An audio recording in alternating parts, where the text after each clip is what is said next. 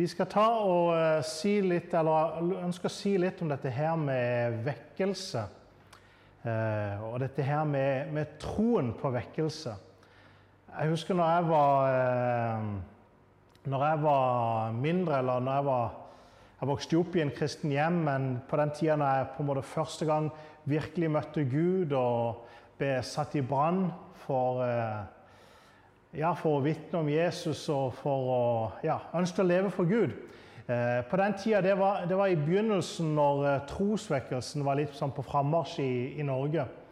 Og jeg husker hvordan på det, på det tidspunkt så var det en utrolig eh, forventning om at nå, nå, kommer det til å bli vekkelse. Eh, det var på en måte det som alle snakka om. og vi hadde sanger som at eh, vekkelsen er på vei til vårt land, og eh, sanger som at det bryter gjennom til seier. det, det, lå på en måte litt i lufta en sånn her forventning om at nå er det rett før det blir før hele Norge blir frelst.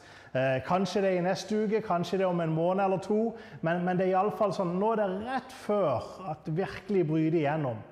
Eh, og det er klart, Så går det én måned, og så går det to måneder, og så går det tre måneder. Og så begynner man å tenke ja, når, nå kommer denne her vekkelsen? Og så går det fire måneder, ett år, kanskje to år. Og fortsatt så synger man de samme sangene, at vekkelsen er på vei, og at det bryter igjennom.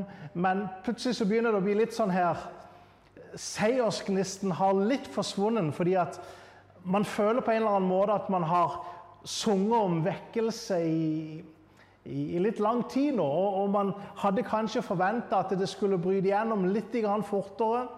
Og, og sakte, men sikkert så, så kjenner man litt at denne her troa på vekkelse og, og troa på at evangeliet virkelig skal bryte igjennom, den, den begynner på en måte litt å, å miste gnisten.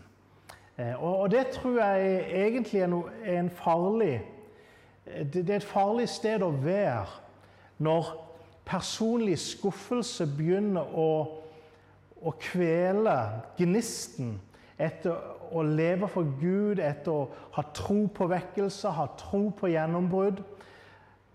Men, men, det er ikke uvanlig. Det veldig Mange kristne opplever det ikke bare kanskje når det kommer til vekkelse, men når det kommer til livet med Gud generelt. Kanskje når man var yngre, så levde man når man var i brann, og man kjente virkelig at man skulle leve 100 eh, for Jesus, og så går det litt tid, og så blir man kanskje gift og eh, får seg jobb. og på en måte Hverdagen begynner å gå, og, og gnisten begynner å dø ut. Eh, og Jeg har lagt merke til òg i, i senere tid så, så har det vært mange profetier om, at, om vekkelse i Skandinavia, i Norge, i Danmark, i Sverige. Det har vært mange forskjellige profeter som har kommet, og de har hatt voldsomme profetier om eh, Norge sin plass i, i eh, vekkelse i Europa. Og det er fantastisk, men samtidig så merker man òg blant kristenheten Kanskje litt på grunn av eh, den troa vi hadde på vekkelse før, og at det ikke kom, så, så begynner man å få litt den her skepsis til det profetiske ord. Skepsis til de her profetene som kommer. Og jeg er fullt klar over det er helt sikkert ikke alle profetier som har kommet, som, eh, som har vært fra Gud. Veldig mange profetier har kanskje bare vært velmenende predikanter som virkelig ønsker å velsigne oss som nasjon. og De ønsker å tale ut vekkelse og forventning over vårt land. Men det, det er en farlig tendens når vi pga. vår personlige skuffelse og, og, kanskje drømmen om at vekkelse allerede skulle ha vært her, og den skuffelsen fører oss inn i en likegyldighet, en tafatthet, eh, hvor troen på seier begynner å, å miste sin gnist. Jeg tror at vi lever i vekkelsestid. Ehm, jeg tror at Gud kommer til å utgyte sin ånd, eh, ikke bare i Norge, men, men, i hele Europa, i den vestlige verden. Så tror jeg vi kommer til å se en gjennomgripende vekkelse. Jeg tror vi kommer til å se Europa vendt tilbake til Gud. Jeg tror vi kommer til å se mye mer enn det vi har sett eh, til i dag. Eh, og, og, det er ikke kun fordi at noen eh, profeter fra Amerika har sagt det. Det fins faktisk noen profetiske ord om vekkelse i de siste tider som vi absolutt kan regne som, eh, si, som troverdige profetiske ord. Ganske enkelt fordi at de ordene de står i Bibelen. Og vi vet at når forskjellige predikanter kommer med profetiske ord, så kan man kanskje ha forskjellige meninger om hvor eh, nøyaktig de er. Men hvis det har blitt tatt med i Bibelen, da er det en god indikasjon på at, på at det stemmer, det som er. For når Gud sier noe, så skjer det sånn som han har sagt det. Og Jeg ønsker å begynne med å lese fra Joel kapittel 3 og vers 1-2, som er noen kjente vers men som nettopp taler om at den tida som vi lever i nå, den tidsepoke som, som verden befinner seg i nå, det er vekkelsestida. Guds intensjon for den tid som vi lever i nå, det er at det skal være en tid hvor han utgyter av sin ånd. Og i Joel kapittel 3, eh, vers 1 og 2, så står det Deretter skal det skje at jeg skal utøse min ånd over alt kjød. Deres sønner og deres døtre skal profetere. Deres gamle menn skal ha drømmer, og deres unge menn skal ha syner. Også over slavene og slavekvinnene vil jeg utøse min ånd i de dager. Så kanskje du sier ja og amen, men hva har det med troen på vekkelse i 2020 å gjøre? Og Det hjelper Peter oss faktisk med å svare på. Fordi at vi kjenner sikkert til det som skjedde i Apostelens gjerninger kapittel 2, på pinsefestens dag, når Den hellige ånd ble utgitt over de første apostlene. Og det kom tunge av ild over hodene deres, og det var sus, og de begynte å tale i tunge, og folk begynte å stimle sammen for å se hva det er som skjer så svarer faktisk Peter under inspirasjon eh, fra Den hellige ånd så svarer Peter på hva det er profetisk sett som skjer akkurat nå. Eh, og Vi kan lese for sammenhengens skyld så leser vi eh, Apostelens gjerninger 2, vers 17 og 18. Og Der står det Men Peter sto fram sammen med de elleve, hevet røsten og sa til dem:" Jødiske menn og alle som bor i Jerusalem, la dette være kjent for dere, og merk dere mine ord. For disse er ikke drukne slik som dere tror. Det er jo bare den tredje timen på dagen. Men dette er det som ble talt ved profeten Joel. Og det skal skje i de siste dager, sier Gud, at jeg vil utøse min ånd over alt kjød.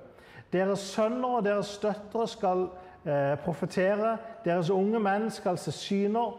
Deres gamle menn skal drømme drømmer. Og over mine slaver og mine slavekvinner vil jeg utøse min ånd i de dager, og de skal profetere.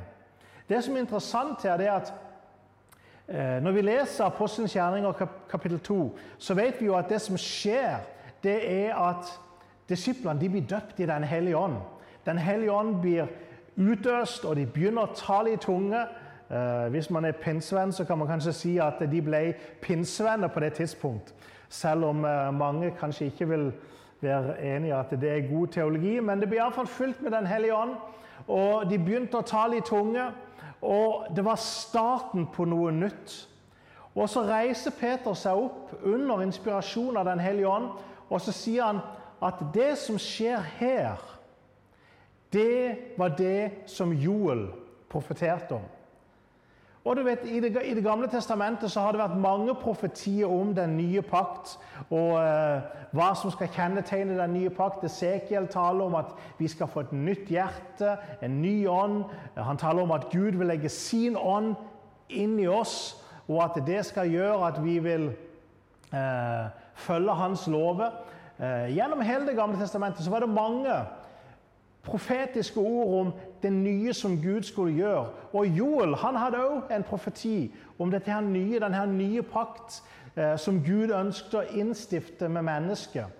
Eh, og så Når det skjer her i Apostelens gjerninger kapittel 2, så reiser Peter seg opp under inspirasjon av Den hellige ånd og sier at det som skjer nå, det er det profetene har talt om. Det var det profeten Joel har talt om. Og så sier han også, Peter han, han spesifiserer at og det skal skje i de siste dager. I de siste dager. Med mindre Jesus allerede har kommet igjen og vi har blitt uh, latt tilbake, uh, så er vi ennå i de siste dager. Hva betyr det? Det betyr at vi lever i en tid hvor Gud ønsker å utgyte av sin ånd. Det betyr at vi lever i en tid hvor, hvor Gud ønsker å være tilgjengelig for alle mennesker, hvor det overnaturlige skal være tilgjengelig for alle mennesker. For det var, det var jo det Joel profeterte om. Han profeterte om at uh, de, uh, sønner og døtre skulle profetere, unge menn skulle se synet, gamle menn skulle ha drømmer. Dette var jo måte, forskjellige måter som Gud talte til mennesker på. De, de, de var vant til at profetene at de fikk uh, profetiske ord. Eller at folk fikk syne og åpenbaringer. De visste at dette var en overnaturlig måte som Gud talte til mennesker på. Og det Joel i sin profeti sier, det er at det kommer en tid når dette skal bli tilgjengelig for alle mennesker. Og han virkelig, han, han går grundig til verk for, for å få dem til å forstå at dette er noe som kommer til å gjelde alle mennesker. Han sier både sønn, han sier over alt kjød. Det bør det i og for seg være nok. Eh, for å forstå at han mener alt kjøtt. Det, betydde både jøder og hedninger. Hedninger de, de har òg kjøtt og blod, som jødene har. Så når, når Gud sier 'over alt kjøtt', så betyr det at Joel profeterte om at dette kom til, til å gjelde hedningene. Og så sier han både over sønner og døtre, over slave og slavekvinner. Eh, jeg har lest i forskjellige bibelkommentarer at eh, jøder på den tida de hadde ikke Eh, hvis de hadde slave, så var, så var, det ikke andre jøder de hadde som slave. Da var det ofte hedninger som de hadde som slave. Så når Joel sier dette, her, så er det ennå en indikasjon på at dette nye som Gud kommer til å gjøre, det var noe som kom til å gjelde òg hedningene. Det var ikke noe som skulle være utelukka for det israelske folk. Og det er klart at På den tida så, så var jødene De hadde en forståelse av at de nærmest hadde en slags patent på Gud. Hvor at hvis Gud åpenbarte seg, og hvis noen hadde relasjon til Gud, så, så måtte det være eh, jøde. Og Joel han eh, slår fast her at det nye som Gud skulle gjøre, det skulle være for alle. I den gamle pakt så, så var de vant til at eh, prester og eh, profeter at de kunne høre fra Gud. Men på den tida der så, så var det ikke så, så forventa ikke folk at alle skulle høre fra Gud. Hvis du trengte et ord fra Gud, så gikk det til profeten, og så fikk du et, profet, et ord fra profeten. Eh, de kunne forstå at kongen at han på en måte trengte at Guds ånd skulle komme over ham. Men igjen så, så, så, var det noe som skjedde. Det, var, det, var, det gjaldt enkelte personer. Det var ikke noe som var for alle. Hvor Joel håper jeg går veldig grundig til verk for å få dem til å forstå at det nye som Gud kommer til å gjøre, det var noe som skulle gjelde alle. Og Peter sier at det som Joel profeterte om, det er det vi kan forvente i den tid som vi lever i. Hva betyr det? Det betyr at vi kan ha en forventning om at Gud ønsker å utgyte av sin ånd i dag. Vi kan forvente det. Hvorfor det? Fordi Gud sier at det er noe som skal kjennetegne den tid vi lever i. Og jeg vet at når man taler om Spesielt hvis man taler om de siste tider, så har mange kristne forskjellige holdninger og ideer. Noen legger veldig vekt på at i de siste tider så kommer det til å være trengsler, det kommer til å være forfølgelse, det kommer til å bli hardt. Uh, mange kommer til å falle fra. Og så har du andre igjen som kanskje sier nei, nei, de siste tider da kommer det til å bli vekkelse, og det kommer til å bli gjennombrudd, og eh, de kristne kommer til å få mer og mer innflytelse i samfunnet, og Guds rike skal etablere seg mer og mer. Og Det som er litt interessant når man på en måte prøver å følge debatten, spesielt på Facebook, så kan man eh, si at debatten kan bli ganske intens noen ganger når folk diskuterer seg imellom. Eh, når det, spesielt når det kommer til endetidssyn. Eh, og Generelt så, så, har du disse to gruppene. De som kanskje som legger vekt på trengsel og forfølgelse og frafall, og de som kanskje legger vekt på eh, seier og fremgang, og at Guds rike skal på en måte seire. Problemet er at begge disse gruppene de bruker Bibelen for å argumentere sitt synspunkt. Og begge disse gruppene de, de, har jeg vil si de har gode argumenter. Det fins mange gode argumenter håper jeg, i begge leirer. Og så kan man jo bli litt forvirra og spørre seg sjøl hvem har rett, hvis, hvis, begge bruker Bibelen? Hvem er det så som har rett? Fordi at begge jeg, bruker jo Bibelen som et bevis på at deres synspunkt er riktig. Men jeg begynner å se mer og mer at når to skriftsteder tilsynelatende kan virke som at de er motstridende, så er det mer sannsynlig at det er meg som ikke helt forstår det det snakkes om, enn at Gud motsier seg sjøl. Fordi Gud han, han motsier ikke seg sjøl. Sånn at hvis det er to skriftsteder som, som motsier hverandre, istedenfor å si ja, men det kan jeg ikke like, men dette verset det kan jeg like, så, så det bruker jeg som et argument. Istedenfor å velge jeg, hvilket av de bibelversene man skal legge vekt på, så må man heller ha den holdning at hvis det er, to bibel, hvis det er et vers som, sier, som taler om seier i endetida, og et vers som taler om eh, forfølgelse i endetida, istedenfor å velge hvilken av disse versene jeg skal bruke, så bør jeg heller finne en måte hvor de to versene kan samstemme.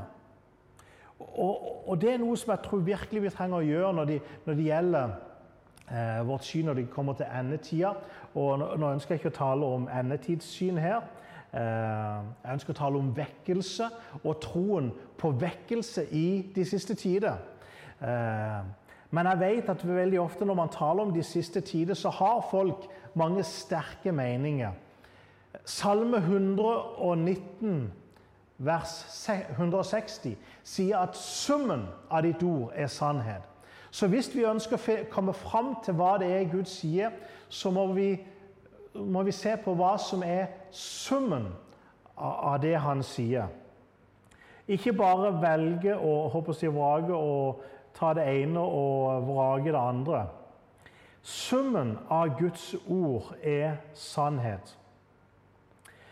Jeg tror at i de siste tider så kan vi forvente vekkelse. Men det betyr ikke at det ikke er, er innforstått med at Bibelen også taler om at i de siste tider så kommer det til å bli forfølgelse. Jeg tror både på forfølgelse i de siste tider, og jeg tror på vekkelse i de siste tider. Og jeg tror faktisk at de to ting går hånd i hånd. Det er jo det vi har sett opp gjennom historien at vekkelse og forfølgelse har alltid gått hånd i hånd. Eh, samtidig som det har vært vekkelse, så har det alltid vært motstand. Og når man ser rundt i verden i dag på de steder hvor evangeliet virkelig går fram med kraft, så er det nettopp på steder hvor det er forfølgelse. De steder hvor man kan si det er minst gjennomslagskraft. Det er òg de steder hvor håper jeg, evangeliet har minst motstand.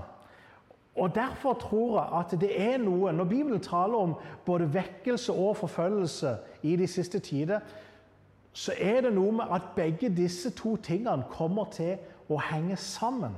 Samtidig som lyset blir Samtidig som mørket blir mørkere, så kommer òg lyset til å skinne enda klarere.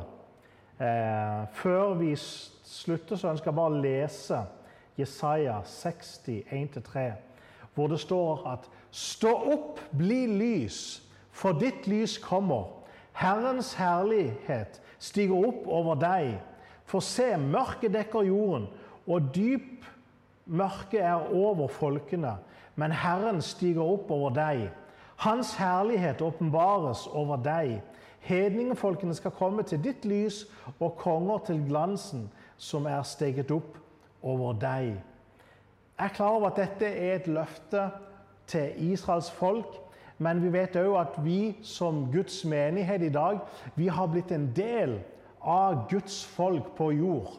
Det er ikke sånn at Gud har to folk, Israels folk og menigheten. Nei, han har ett folk. Vi har blitt en del. Det betyr òg at vi kan ta til oss de løftene og Samtidig som mørket dekker jorden, så kan vi ha en forventning om at over oss, over Guds menighet, så skal lyset skinne klarere og klarere.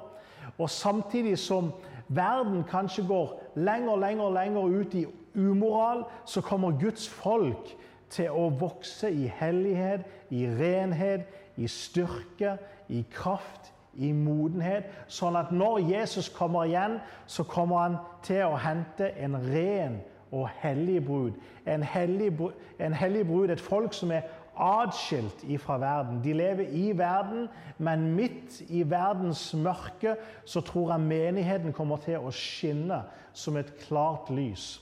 Så jeg tror på vekkelse i de siste, i de siste tider, og jeg tror òg på forfølgelse i de siste tider. Og jeg tror at de to tingene kommer til å gå hånd i hånd.